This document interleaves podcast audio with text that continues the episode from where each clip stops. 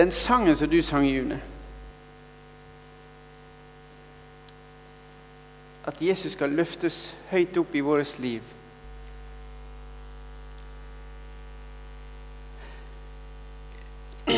For min del så er det litt sånn Jeg blir veldig minnet på det at Jesus har fortjener å bli løftet høyest av alle sammen. Han er den som skal ha all ære. Hvorfor kommer vi hit i dag? Kommer vi hit for å få noe? Kommer vi hit for å, at jeg skal få?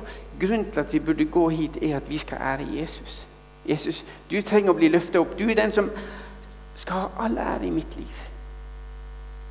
Og Jesus, måtte du bli den som er det største for meg.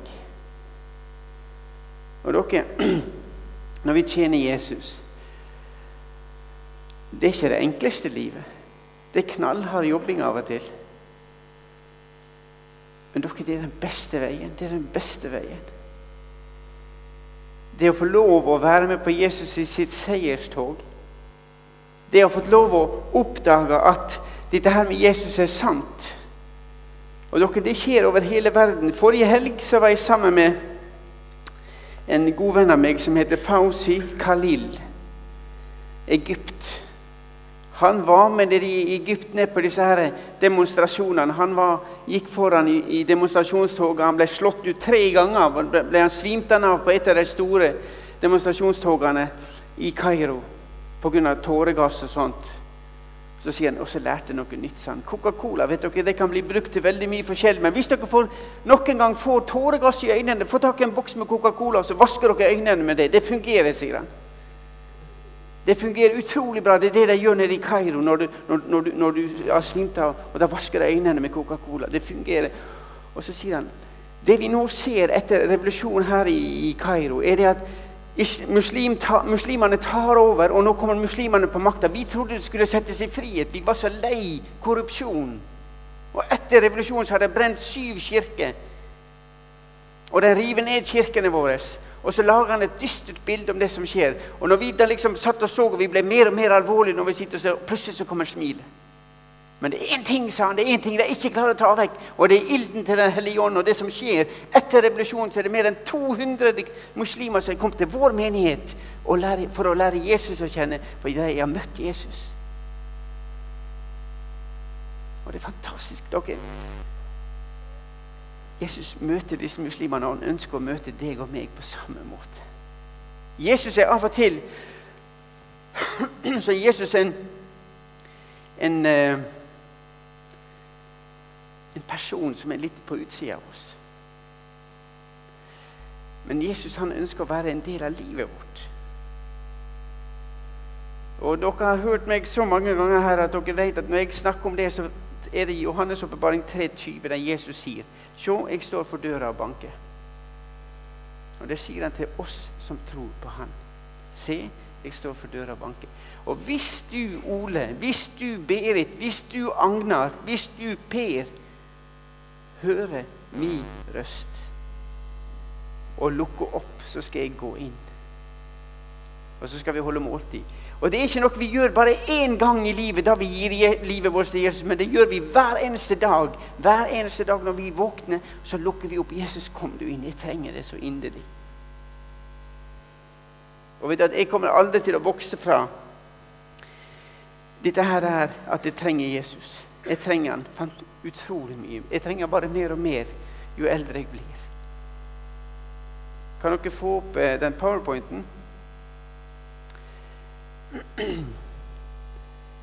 Og dere, Det arbeidet som jeg står i nå, innenfor, i Åpne dører Der er jeg sammen med folk de er så avhengige av Jesus. Og de sier vi ber Bønnemøtene våre varer hele natta fordi de må rope til Gud, for vi overlever ikke uten Jesus.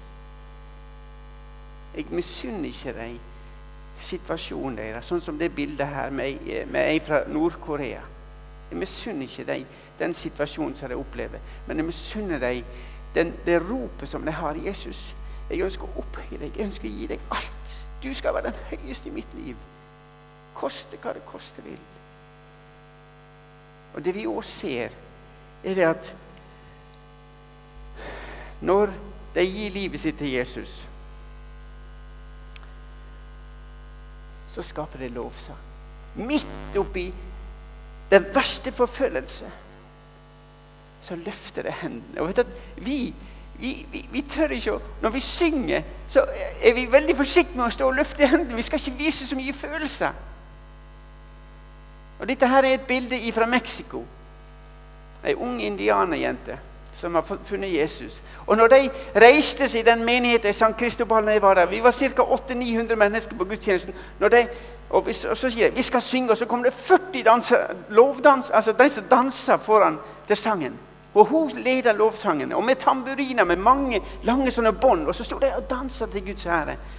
Og jeg tenkte oi, du skulle ha vært i Salem, du. Men det er ikke det at vi ikke syns er galt, men vi tør jo ikke folk. Vi tør ikke å danse til Guds ære. I hvert fall ikke jeg, for jeg kan ikke å danse. Så jeg takker jo Gud for at vi ikke må danse, for jeg ser ut som en telefonstolpe som bare svinger. Men de som kan det Det er fantastisk. Jeg satt og gråt når jeg så denne jenta løfte hendene og så danse til Guds ære. Jesus, du skal ha all ære. Dere, vi har så mye å lære deg. Vi har så mye å lære av den avhengigheten som de har til Jesus. Jesus, jeg trenger deg i hverdagen. Jeg har det tøft, men jeg vil aldri, aldri slippe deg. 50 land finnes det på den lista som vi gir ut i Åpne dører. 50 land der forfulgte kristne opplever det og har det utrolig vanskelig. Og mange i disse landene her så sier de, Når folk kommer og vil tro på Jesus, så sier de hvis du ønsker å gi livet ditt til Jesus i dag, så kan jeg garantere det én ting, og det er trøbbel. Det er trøbbel. Og de sier de får komme det da, men jeg ønsker Jesus fordi de Det, det, det vi har sunget litt her i dag, det er å oppdage at jeg elsker. Jesus han elsker det så enormt. Og Derfor sier de jeg vil ikke slippe deg, Jesus. Og de topplandene Nord-Korea står på topp. Det har stått på topp de siste ti åra i Åpne dører sin liste. Og det kommer ikke til å forandre seg. Ikke før den dagen det underet skjer, der når vi ber Vi ber at Nord-Korea skal bli et fritt land, og de skal få lov å proklamere Jesus i det landet. Jeg har tro på det. Har dere tro på det? Tror dere at Gud kan forvandle det landet? Jeg tror dere sier ja inni dere. Jeg ha tro på at Gud kan forvandle. Gud er den som innsetter myndigheter. Men inntil da vil dere da være med oss og be. Vi sender, vi sender et blad ut i Norge, og det vet dere om. Og eh, Jeg sender denne lista rundt her. Hvis dere krysser på punkt nummer fem der det står 'Åpne dører ung', så sender vi ikke noe blad til dere, men vi sender en mail til dere. Og så vil dere få nyhetsmailene på på, på, på mail. Og så kan dere lese bladet vårt på, på, nettet. Jeg sender den lista rundt, og så kan dere fylle på. Dere får det bladet gratis. Det koster ingenting. For vi ønsker å ha mest mulig folk med som kan være med og be. Og dere, det, det hjelper å be. Jeg skal gå før jeg går på, Jeg har ikke begynt på talen. Jeg skal si fra når jeg begynner på talen. Da kan dere begynne å ta tida. Uh, jeg skal gå til Colombia. Colombia i Latin-Amerika. Og Brikt Goa, som er fra Nærbø, han er leder for Open Doors uh, Latin-Amerika, en director. Han snakker spansk, har vært i eh, Bolivia i flere år og har vært ansatt nå halvannet år i, i Åpne dører internasjonalt. Han har vært i Colombia. I Colombia har vi ett barnehjem med 50 barn. Jeg skal vise, det er i, denne, I det området som kommer frem her. Der ligger det barnehjemmet. Vi vil ikke si mer nøyaktig, der har vi 50 barn. Og hvorfor har vi barn der? Jo, fordi at de kommer fra barnehjem nei, fra, fra, familier der mor og far er, er, er, pastorer. De kan ikke bo hjemme fordi de er så lett, de er så redd for at de skal bli kidnappa. De blir kidnappa inn i, i, i geriljagrupper, og så blir de brukt som soldater. Og av intervjuene på en film som jeg har Jeg har klippet litt ut av filmen her. Men i den filmen fra Bolivia så sier en mann jeg ble drapt mitt første menneske da jeg var syv år. Da satt han med et, gevær og sa kan ikke jeg få lov å drepe han? Var han lært opp og trent. Flere av disse barna er kommet dit for å beskyttes. Sofia hun er 13 år i dag. Hun mista mor og far sin for fire år siden. Hun kan fortelle historien sjøl, så kan vi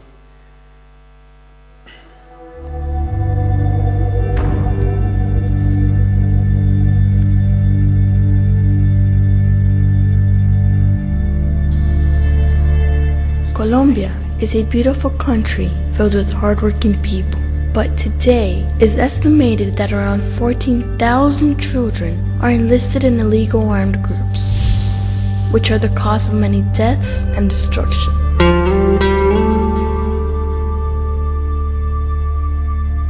Many Christian families are mistreated, abused, and persecuted for preaching the gospel in the regions controlled by these groups.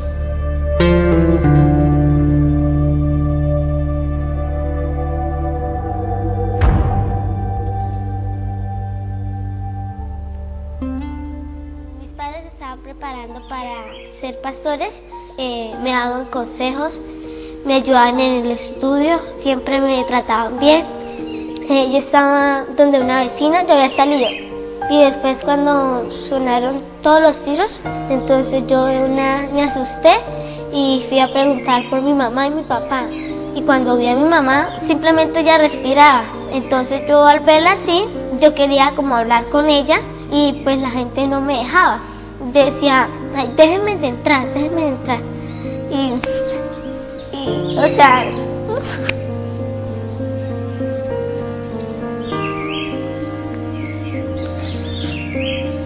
yo quería hablar con mi papá, porque mi papá sí podía hablar. Él decía que no sentía las manos, que lo llevaran rápido al hospital. Y yo quería hablar con él y no, no me dejaron hablar con él. Entonces, los hermanos de la iglesia vinieron y hicimos una oración por mi papá y por mi mamá.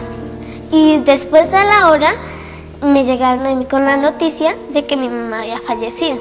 Entonces ahí fue donde yo dije, pero no se supone que cuando uno le pide, uno le pide a Dios, Dios lo responde. ¿Por qué sería que Dios no, o sea, no respondió nuestra oración?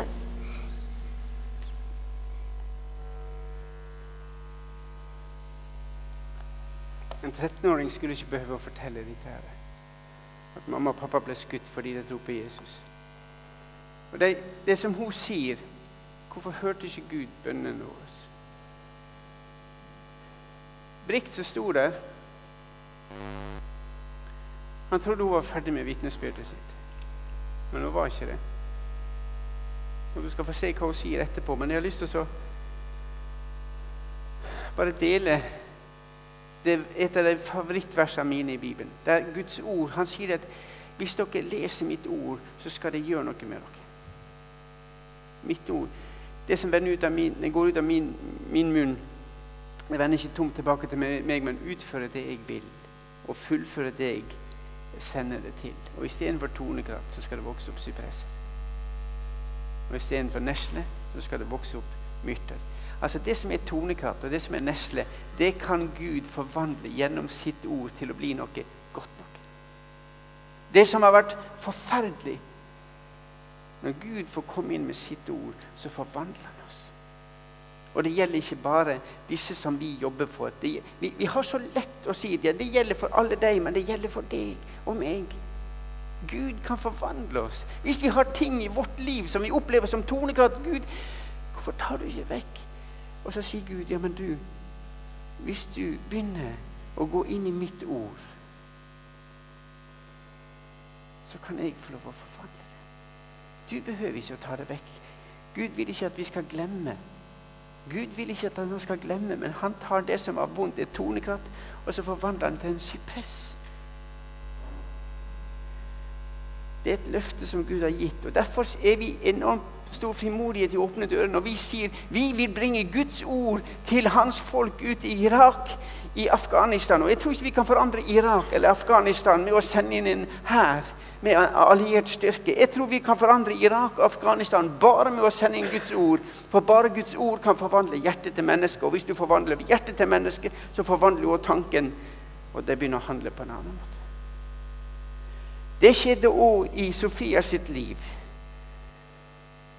Ta og Se hvordan hun avslutter den. A mí me parece que las iglesias hoy juegan un papel fundamental y muy especial. Por eso, gracias a Dios que Dios dejó las iglesias. Y yo sé que estamos a tiempo de hacer algo por esos niños.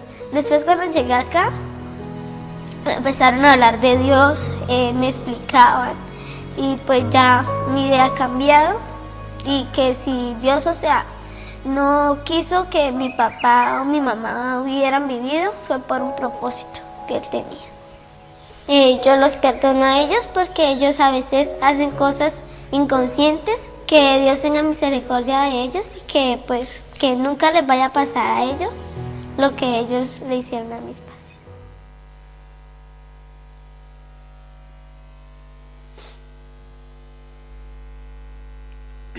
Tror vi har noe å lære av denne 13-åringen. Men vet du hva som er hemmeligheten til henne? Hun sier det som står i Bibelen, er sant. Og så har hun valgt å gå inn på tilgivelsens vei. Og når Jesus ser at vi velger å gå inn på tilgivelsens vei, så gir han oss også tilgivelsens gave. Og så får hun legge det av seg, og så får hun gå videre. Her er bildet av Sofia. Jeg har ikke lov å vise det så lenge til dere. Noen husker hun, og så sier de, for en forferdelig historie. Og Samtidig så vitner denne vesle jenta på med smilet sitt at Jesus er god. Jesus har kontroll. Og Gud har kontroll. Og Når jeg sender rundt denne lista, der, så sier jeg Sofia bruker jeg bare som et ansikt for å vise dere ett ansikt av 30 millioner barn som opplever vanskeligheter fordi mor og far tror på Jesus, fordi de tror på Jesus. Og du og jeg kan være med å bety en forskjell for disse her. Og dere, jeg tror vi hadde, jeg har sagt det, Hvis vi visste hva bønn gjør, så har vi slutta å tale, så har vi snudd oss, og så har vi gått ned på kne og så har vi begynt å prise Gud. For Satan han ler av våre ord. At Satan ler av de kristne sine ord, og han skjelver når de kristne går på kne. For da, i bønn, har vi over, over, vi, har vi vunnet over Satan. Jesus har vunnet, og på kne så fører vi seieren videre. Nå kan dere begynne å skru på klokka. Jeg har fått, jeg har fått 45 minutter av Elinor som innledning, og så skulle jeg tale på resten av timen. Så. Jeg skal ta dere med til, eh, til Johannes 4, og jeg skal lese historien om den samaritanske kvinna. Eh, og Det er jo helt i begynnelsen av, av eh, Johannes evangeliet. Men vi kan lese det slik som det står, så kan dere følge med på, på, på, på skjermen. Fordi at hos oss her i Norge er ikke det vanlig at vi tar med oss bibler. Og jeg skulle, ønske, jeg skulle ønske at vi alle at vi kommer tilbake til det som var. At vi har med oss biblene. At vi sitter og blar i dem når det blir lest teksten. Men det er veldig greit å ha sånn uh, på skjermen. Når det. Men dere, Bibelen burde jo være mer viktig for oss. Og den burde være mye mer tilgjengelig i, i forsamlingene og menighetene. Men vi leser nå fra første verset i kapittel 4 i Johannes. Det er en del vers der, men vi leser alt, sånn at vi får det med oss. Jesus fikk nå vite hva fariseerne hadde hørt, at han vant flere disipler og døpte flere enn Johannes. Riktignok var det ikke Jesus som døpt, selv som døpte, men disiplene hans. Da forlot han Judea og dro igjen til Galilea. Han måtte reise gjennom Samaria, og der kom han til en by som heter Sykar, like ved det jordstykket Jakob ga til sin sønn Josef. Der var Jakobs kilden. Jesus var sliten etter vandringen, og han satte seg ned ved kilden. Det var omkring den sjette timen. Der kommer en samaritansk kvinne for å hente vann. Jesus sier til henne, 'La meg få drikke.' Disiplene hans har gått inn i byen for å kjøpe mat. Hun sier, 'Hvordan kan du som er jøde, be meg, en samaritansk kvinne, om å, om å få drikke?' For jødene omgås ikke samaritanerne. Jesus svarte henne, Om du hadde kjent Guds gave og visst hvem det er som ber deg om drikke, da hadde du bedt ham, og han hadde gitt deg det levende vann.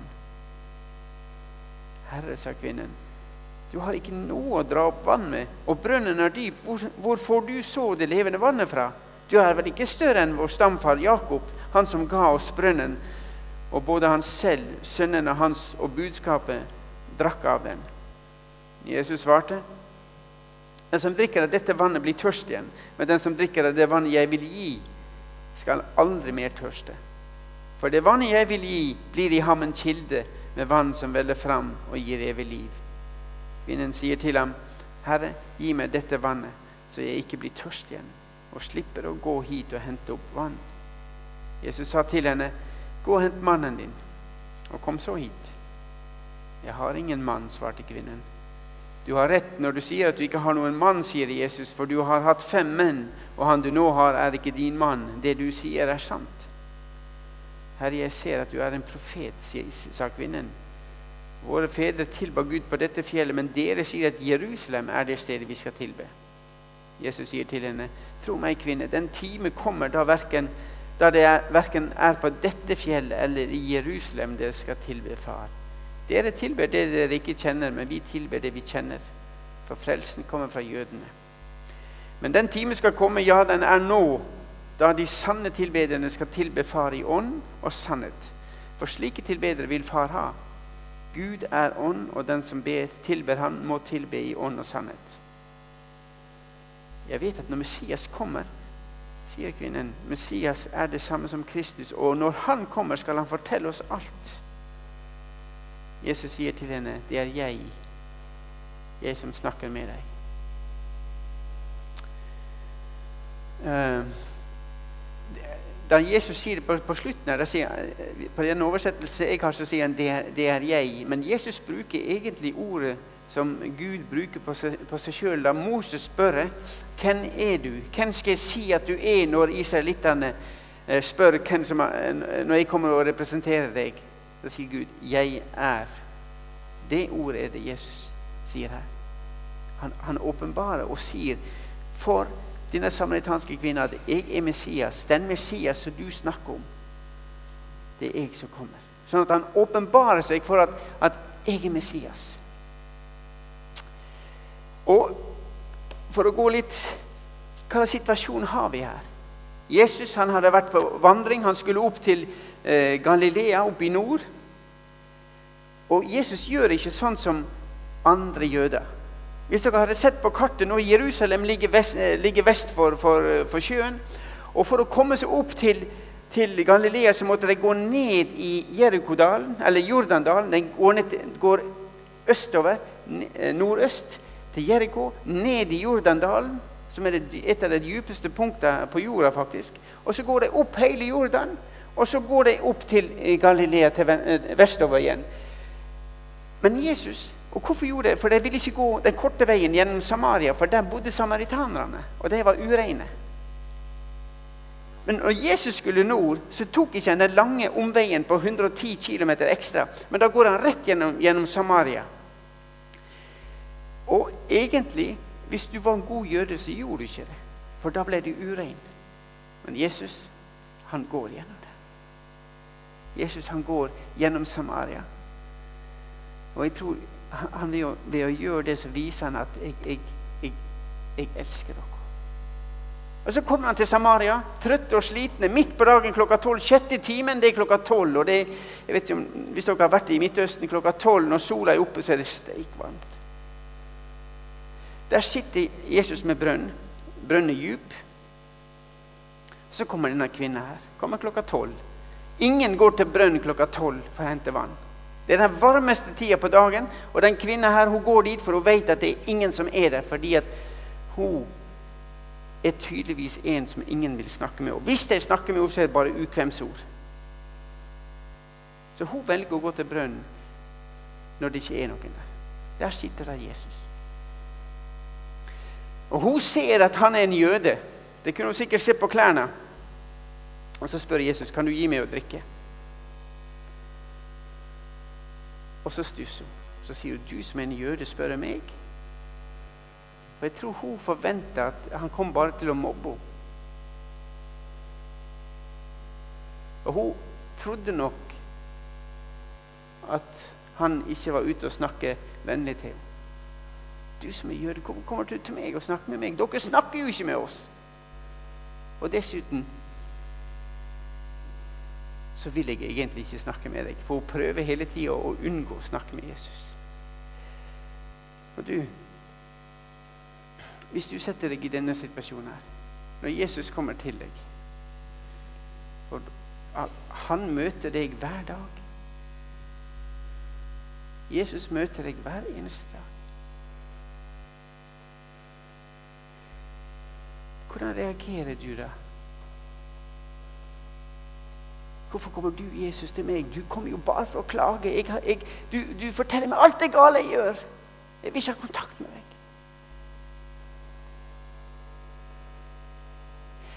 Er det vår reaksjon? Er vi så avvisende som denne kvinna er? Hun prøver fem ganger å avlede samtalen og få samtalen inn på noe annet. Hun vil ikke ha kontakt med han, men Jesus han følger på. Han følger på henne. Men spørsmålet er da hvordan stiller du deg når du møter Jesus klokka tolv? Eller klokka ti? Eller klokka åtte? Har du tid til ham? Eller er du så travelt opptatt fordi du må hente Hun kom jo for å hente vann fordi at du skulle gjøre en jobb hjemme. Er vi så travelt opptatt når Jesus kommer til oss at vi har ikke tid å snakke med ham? For han ønsker å ha oss i tale.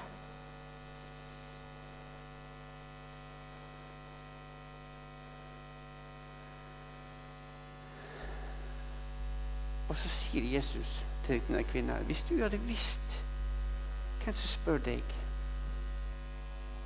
om vann, så har du spurt meg. Og jeg skulle ha gitt deg det levende vann.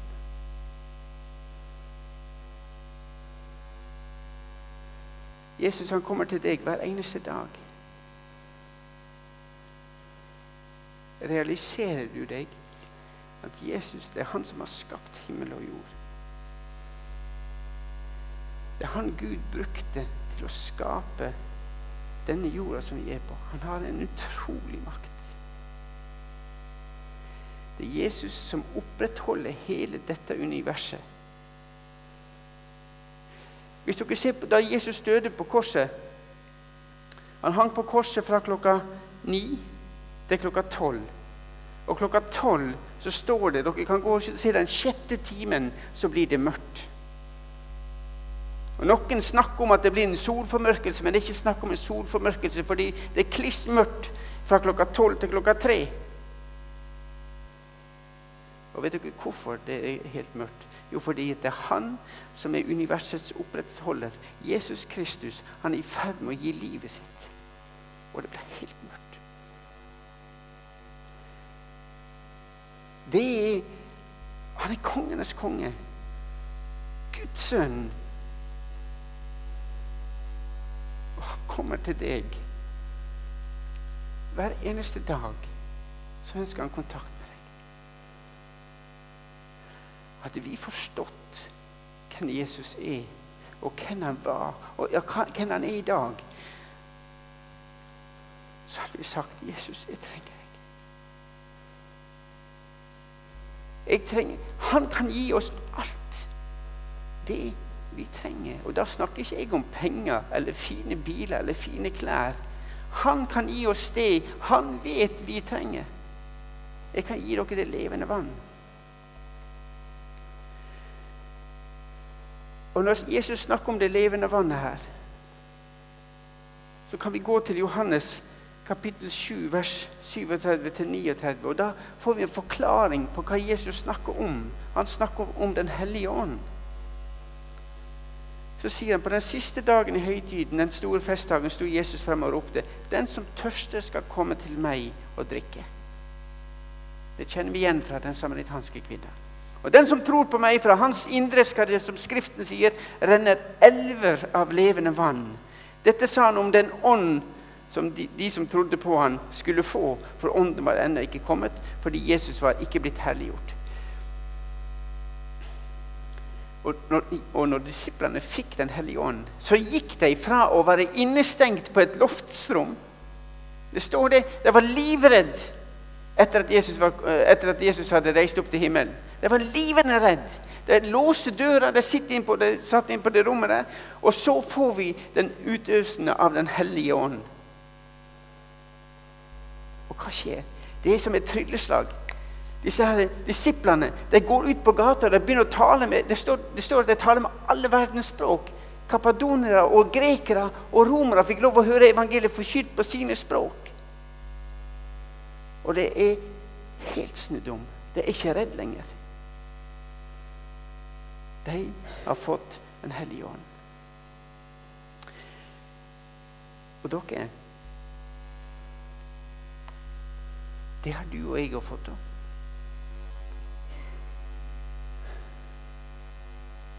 Hvorfor, hvorfor merker vi ikke så mye til det? Jeg, jeg veit ikke. Men jeg har tenkt litt gjennom det når jeg forberedte meg. Og jeg kom på dette her med Efeserne 6,17. Der snakkes det om vi som er kristne. Vi er som en soldater som går ut i krigen. Og så blir en soldats påkledning beskrevet. Og så kommer du til vers 17, så står det Ta imot frelsens hjelm og åndens sverd, altså Den hellige ånd, og åndens sverd, som er Guds ord. Og når jeg leste det, så tenkte jeg Gud, er det slik at vi gir ikke Den hellige ånd en sjanse til å jobbe i livet vårt? Fordi, Gud, fordi ditt ord er pyntebok i vår bokhylle. Det var en liten gutt nede i Nederland som kom med Bibelen til mora. Så sier han eh, 'Mamma, hva dette her er for noe?' 'Å, dette er Guds bok.' 'Å ja, sier du det?' det? Og, så, og så sier han 'Ja, Guds bok', ja. Ja vel. Men kanskje vi bare gir han tilbake til Gud, for vi bruker ikke han likevel. Og vet du, Mora hun, hun ble truffet. Og dere, er det slik i vårt liv at vi har Guds ord, men vi bruker ikke det? Og i og med at vi ikke bruker det, så gir vi heller ikke Den hellige ånd en sjanse til å jobbe i livet vårt. Fordi at åndens sverd er Guds ord ved dette og det som jeg las i stad i, i, i Jesajas 55, at mitt ord skal ikke vende tomt tom tilbake før det er fullført det jeg vil. Og, det, og istedenfor sypresse skal det vokse opp Nei, tone skal det vokse opp sypresser, og istedenfor nesle skal det vokse opp torn. Myrter. Når ikke vi opplever dette, er det fordi vi er opptatt med mange andre ting enn det som kan forvandle livet vårt. Vi er utrolig opptatt med oss at Guds ord skal sendes ut til hele verden. Og vi, vi åpner dører, vi jobber mye for å sende ut Guds ord. Og broder Andreas sa det at vi må ikke være så opptatt av å sende Guds ord til andre. Men vi var like opptatt av at Guds ord skal virke inn i vårt liv, slik at vi blir forvandla slik, og da blir mennesker rundt oss forvandla. Og det er litt jeg, jeg, jeg hørte på, eh, Før møtet begynte i dag, så sier jeg det kommer, det kommer noen nye hit i dag som nettopp har gitt livet sitt til Jesus. Og jeg tenkte takk og lov, fantastisk! Det skjer enda, Det skjer enda at folk gir livet sitt til Jesus. Og dere, Det har jo ingenting med at vi som mennesker vinner dem vi som er kristne, vi tror at vi må gå ut og vi må vinne mennesker. Vet du hva? Det er ikke vår oppgave i det hele tatt. Vi som er kristne, vi må gå ut og fortelle sannheten. Vi må gå ut og forkynne det som står i Guds ord. Og så står det at Den hellige ånd skal overbevise deg, og så kommer det til tro. Og det blir slik som den samaritanske kvinna som opplever det at å, du forteller meg sannheten. Og Jesus sier, 'Jeg skal gi deg et vann som gir deg liv'. Og det blir sånn som han sier at den som drikker dette vannet, blir tørst igjen. Men den som drikker det vannet jeg vil gi, skal aldri, aldri tørste. For det vannet jeg gir, blir en kilde med vann som veller fram og gir evig liv. Du og jeg som tror på Jesus, vi har fått Den hellige ånds gave. Det er en del av vårt liv. Men vi må gi Den hellige ånd rom i vårt liv. Rom til å jobbe. Og vi må gi han det redskapet Gud har gitt han. Det sverdet han har gitt han for å jobbe i mitt liv. Det er Guds ord.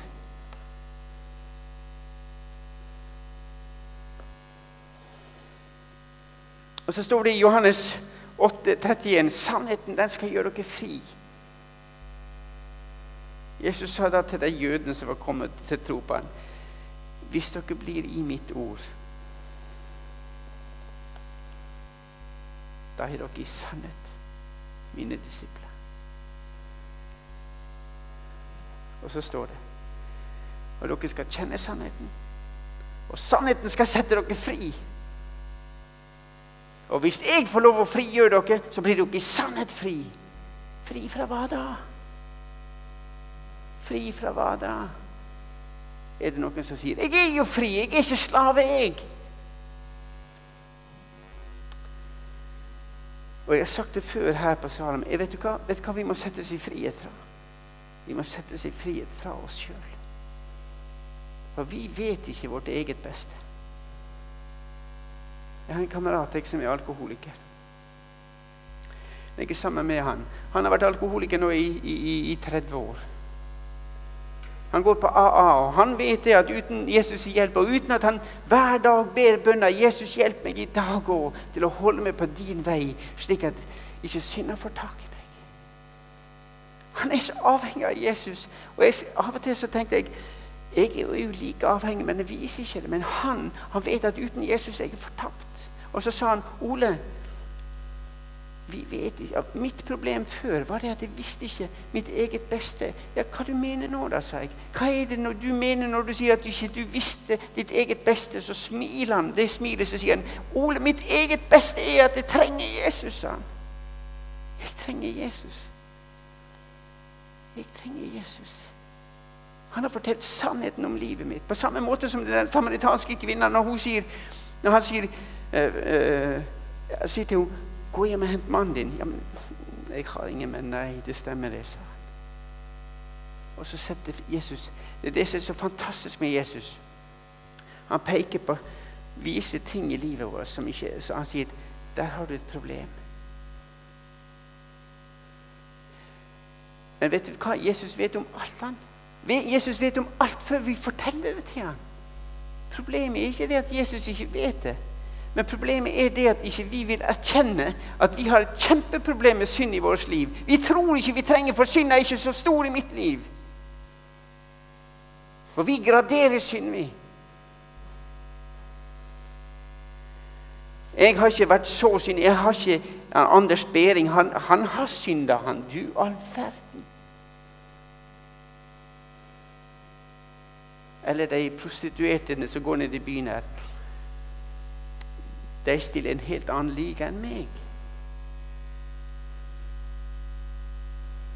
Men vet dere hva? I Guds øyne så stiller vi i samme liga.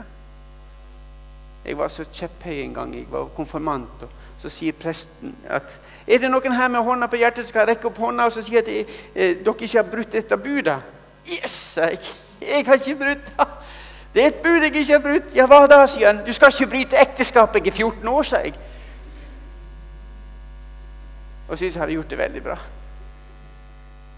Helt til han sa, Ole sa han, den som har brutt ett av buda, har brutt alle sammen. Og jeg har aldri glemt det. Det vil si at jeg kommer på samme hylle som Anders Behring Breivik. Jeg kommer på samme hylle som Hitler. Jeg kommer på samme hylle, og så kan vi plassere alle disse her. Og hvis du får et lite glimt av det, så får du òg et lite glimt. Jeg trenger deg i dag, Jesus. Jeg klarer meg ikke uten deg. jeg har så mye ureine tanker, Jesus. Hjelp, bevare meg. Når jeg våkner hver morgen, så sier jeg, 'Jesus, vil du bevare meg gjennom dagen?' Og det gjør han. Det gjør han. Og jeg takker Gud for Gud, ta, jeg takker deg, Gud, for at du leder meg gjennom fristelsen. Jeg, jeg, som er mann, dere som er gutter, dere som er menn, dere vet inderlig godt hva jeg snakker om. Vi trenger så Guds hjelp til å holde tanken vår ren. Til å holde oss vekk fra PC-en. Til ikke å la inntrykket fylle tanken vår.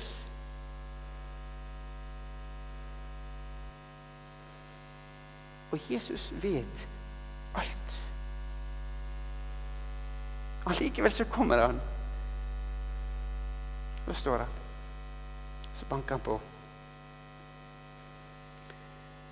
Så sier han, 'Hører du? Hvis du hører min røst Ole, kan jeg få lov å komme inn?' Ole, hvis du hører min røst og lukker opp, skal jeg komme inn. Og så skal jeg begynne den forvandlingsprosessen. Det er derfor han sier at han har gitt oss sitt ord. For at Den hellige ånd kan få lov å jobbe i livet vårt. Han elsker oss så uendelig, uendelig mye. Jeg, jeg, jeg kunne gjort det mye, jeg kunne ha snakka mye om dette her. Men jeg vil ta det som står i Matteus 11, 28. Og da tror jeg at jeg må plassere meg på den lista. Jesus, du veit hva jeg strever med i tankene mine. Du veit hva jeg gjør som jeg ikke burde gjøre. Du veit alle disse ordene jeg sier som jeg slettes ikke burde snakke stygt om den og den. Det er så tungt. Men Jesus Og så sier Jesus, 'Men Ole, kanskje du kommer til meg med det?'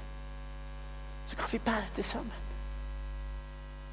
Kom til meg, alle dere som strever og bærer tunge byrder, så skal jeg gi dere hvile.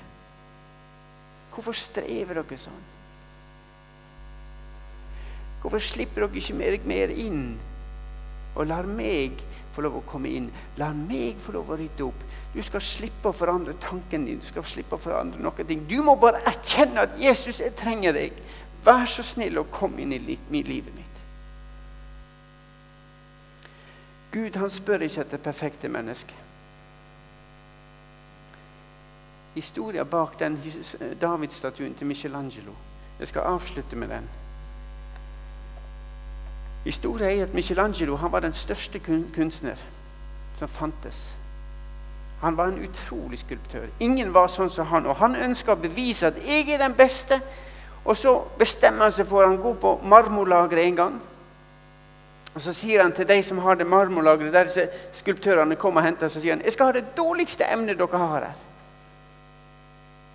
Og De går og finner en marmorblokk som er 50 år gammel, som ingen ville ha, for hun er så dårlig. Den skal jeg ha, sier han. Så får han frakta blokka hjem. Og med den blokka som ingen ville ha, de siste 50 åra var det ingen som ville ha rørt henne, så lager Michelangelo status, statuen av David. Et masterpiece.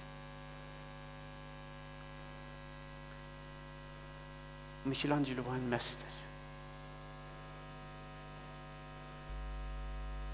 Men dere, Gud er en mester. Og hvis du sitter her nå og sier som så Nei, jeg Det er så mye dårlig i meg. Jeg evner ingenting av det de andre gjør. Ikke kan jeg spille piano, ikke kan jeg synge, ikke jeg har jeg frimodighet, og dessuten er jeg ikke så vakker heller. Så finner vi så mange grunner til å bli sittende men dere, dere som er her Det finnes bare én som deg. Det finnes bare én som deg. Og noen av oss er mer begava enn andre. Ja, men det handler om talent. Men bare du kan fylle din plass, og så sier Jesus, vil du fylle den plassen? Vil du være den jeg hadde tenkt du skulle være? Og så sier du nei, jeg, jeg, kan ikke. Men så sier Jesus ja, men du, vil du legge deg sjøl i min hånd. Og vet du hva? Hvis dere gjør det, så legger dere det i en mesters hånd. Og i en mesters hånd så er du et masterpiece. Du er et masterpiece. Du er den vakreste perla som finnes. Jesus han sier det. Eh, han sier himmelens rike er å sammenligne med en som var ute og lette etter vakre perler. Og så når han fant ei vakker perle, så gikk han vekk og solgte alt han eide, for å få tak i den perla. Og vi, Jeg har sagt det her før, og, og vi tolker det dit hen at Jesus er perla, og vi må selge alt det vi eier for å få tak i han. Det er feil. Det er du som er perla. Jesus han solgte alt. Han ga livet sitt for å få lov å eie deg. Du er perle sånn som du er. Og hvis du tror og, og, sier at 'nei, jeg er ikke det', så er det løgn. For sannheten er at du er ei perle, og Jesus ønsker å eie deg. Han har kjøpt deg og betalt deg for at din glans skal komme ut, slik at du skal bli glede for mange. Slik at det kan forvandles det du tror er tonekratt i dag, det kan bli forvandla i Jesus sine øyne til en suppress, til glede for andre.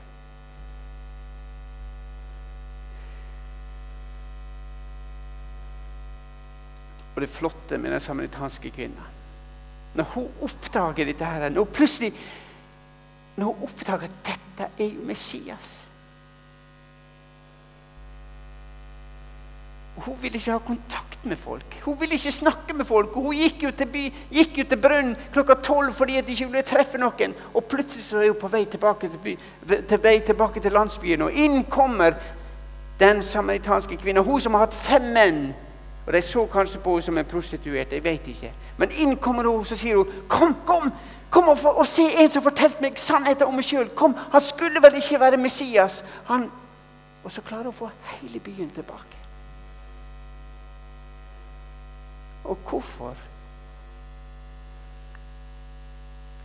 Jo, for vet du hva? Jeg tror hun hadde fått vite sannheten om seg sjøl.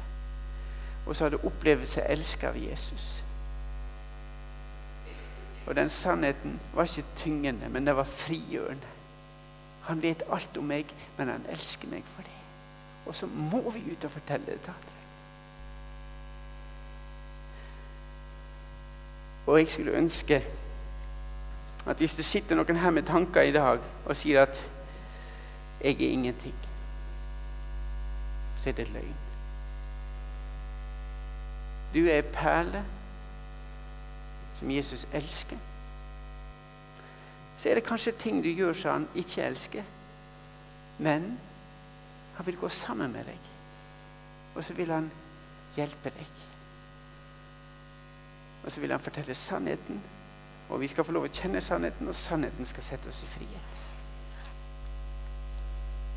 Så i dag så står Jesus foran døra di og banker. Så spør han Har du hørt min stemme i dag? Vil du lukke opp? Kanskje for første gangen? Kanskje for første gang i dag?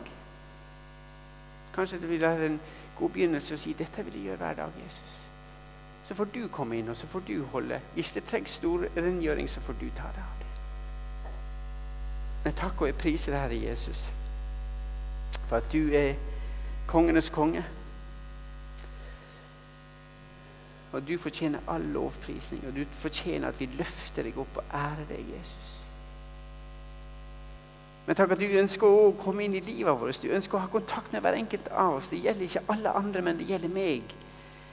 Du ønsker å komme inn og gi oss noe som blir så rikt, og det blir en kilde med liv inni livet vårt at vi klarer ikke å tie stille om det. Vi må dele at du er den du er. Og Jeg ber Jesus, vil du velsigne oss i, i kveld? og Vil du holde dine hender over oss? Takk for at vi slipper å mase, mase på deg om at du skal gjøre det, men hjelp du oss til å komme tilbake til deg, Jesus. Hjelp oss til å holde oss nær til deg. Hjelp oss til å holde oss i ditt ord. Hjelp oss til å holde oss så nær til deg at du får din vilje i vårt liv. Takker vi at vi kan få lov å legge frem for deg alle de som blir forfulgt for ditt navns skyld. Du har sagt at som dagen er, så skal din styrke være hvis du følger mine bud. La dem få lov å erfare Jesus. Og la oss som sitter her og når vi holder dine bud og holder ditt ord, så skal vi få lov å erfare at du gir oss kraft og styrke i alt det som møter oss. Det er ingenting som er for vanskelig, fordi du går sammen med oss. Takk at du også har sagt at du skal ikke løse alle problemer, du skal gå gjennom alle problemer. Du skal gå sammen med oss. Du skal aldri, aldri slippe oss. Hjelp du oss til ikke å slippe deg, Jesus. Amen.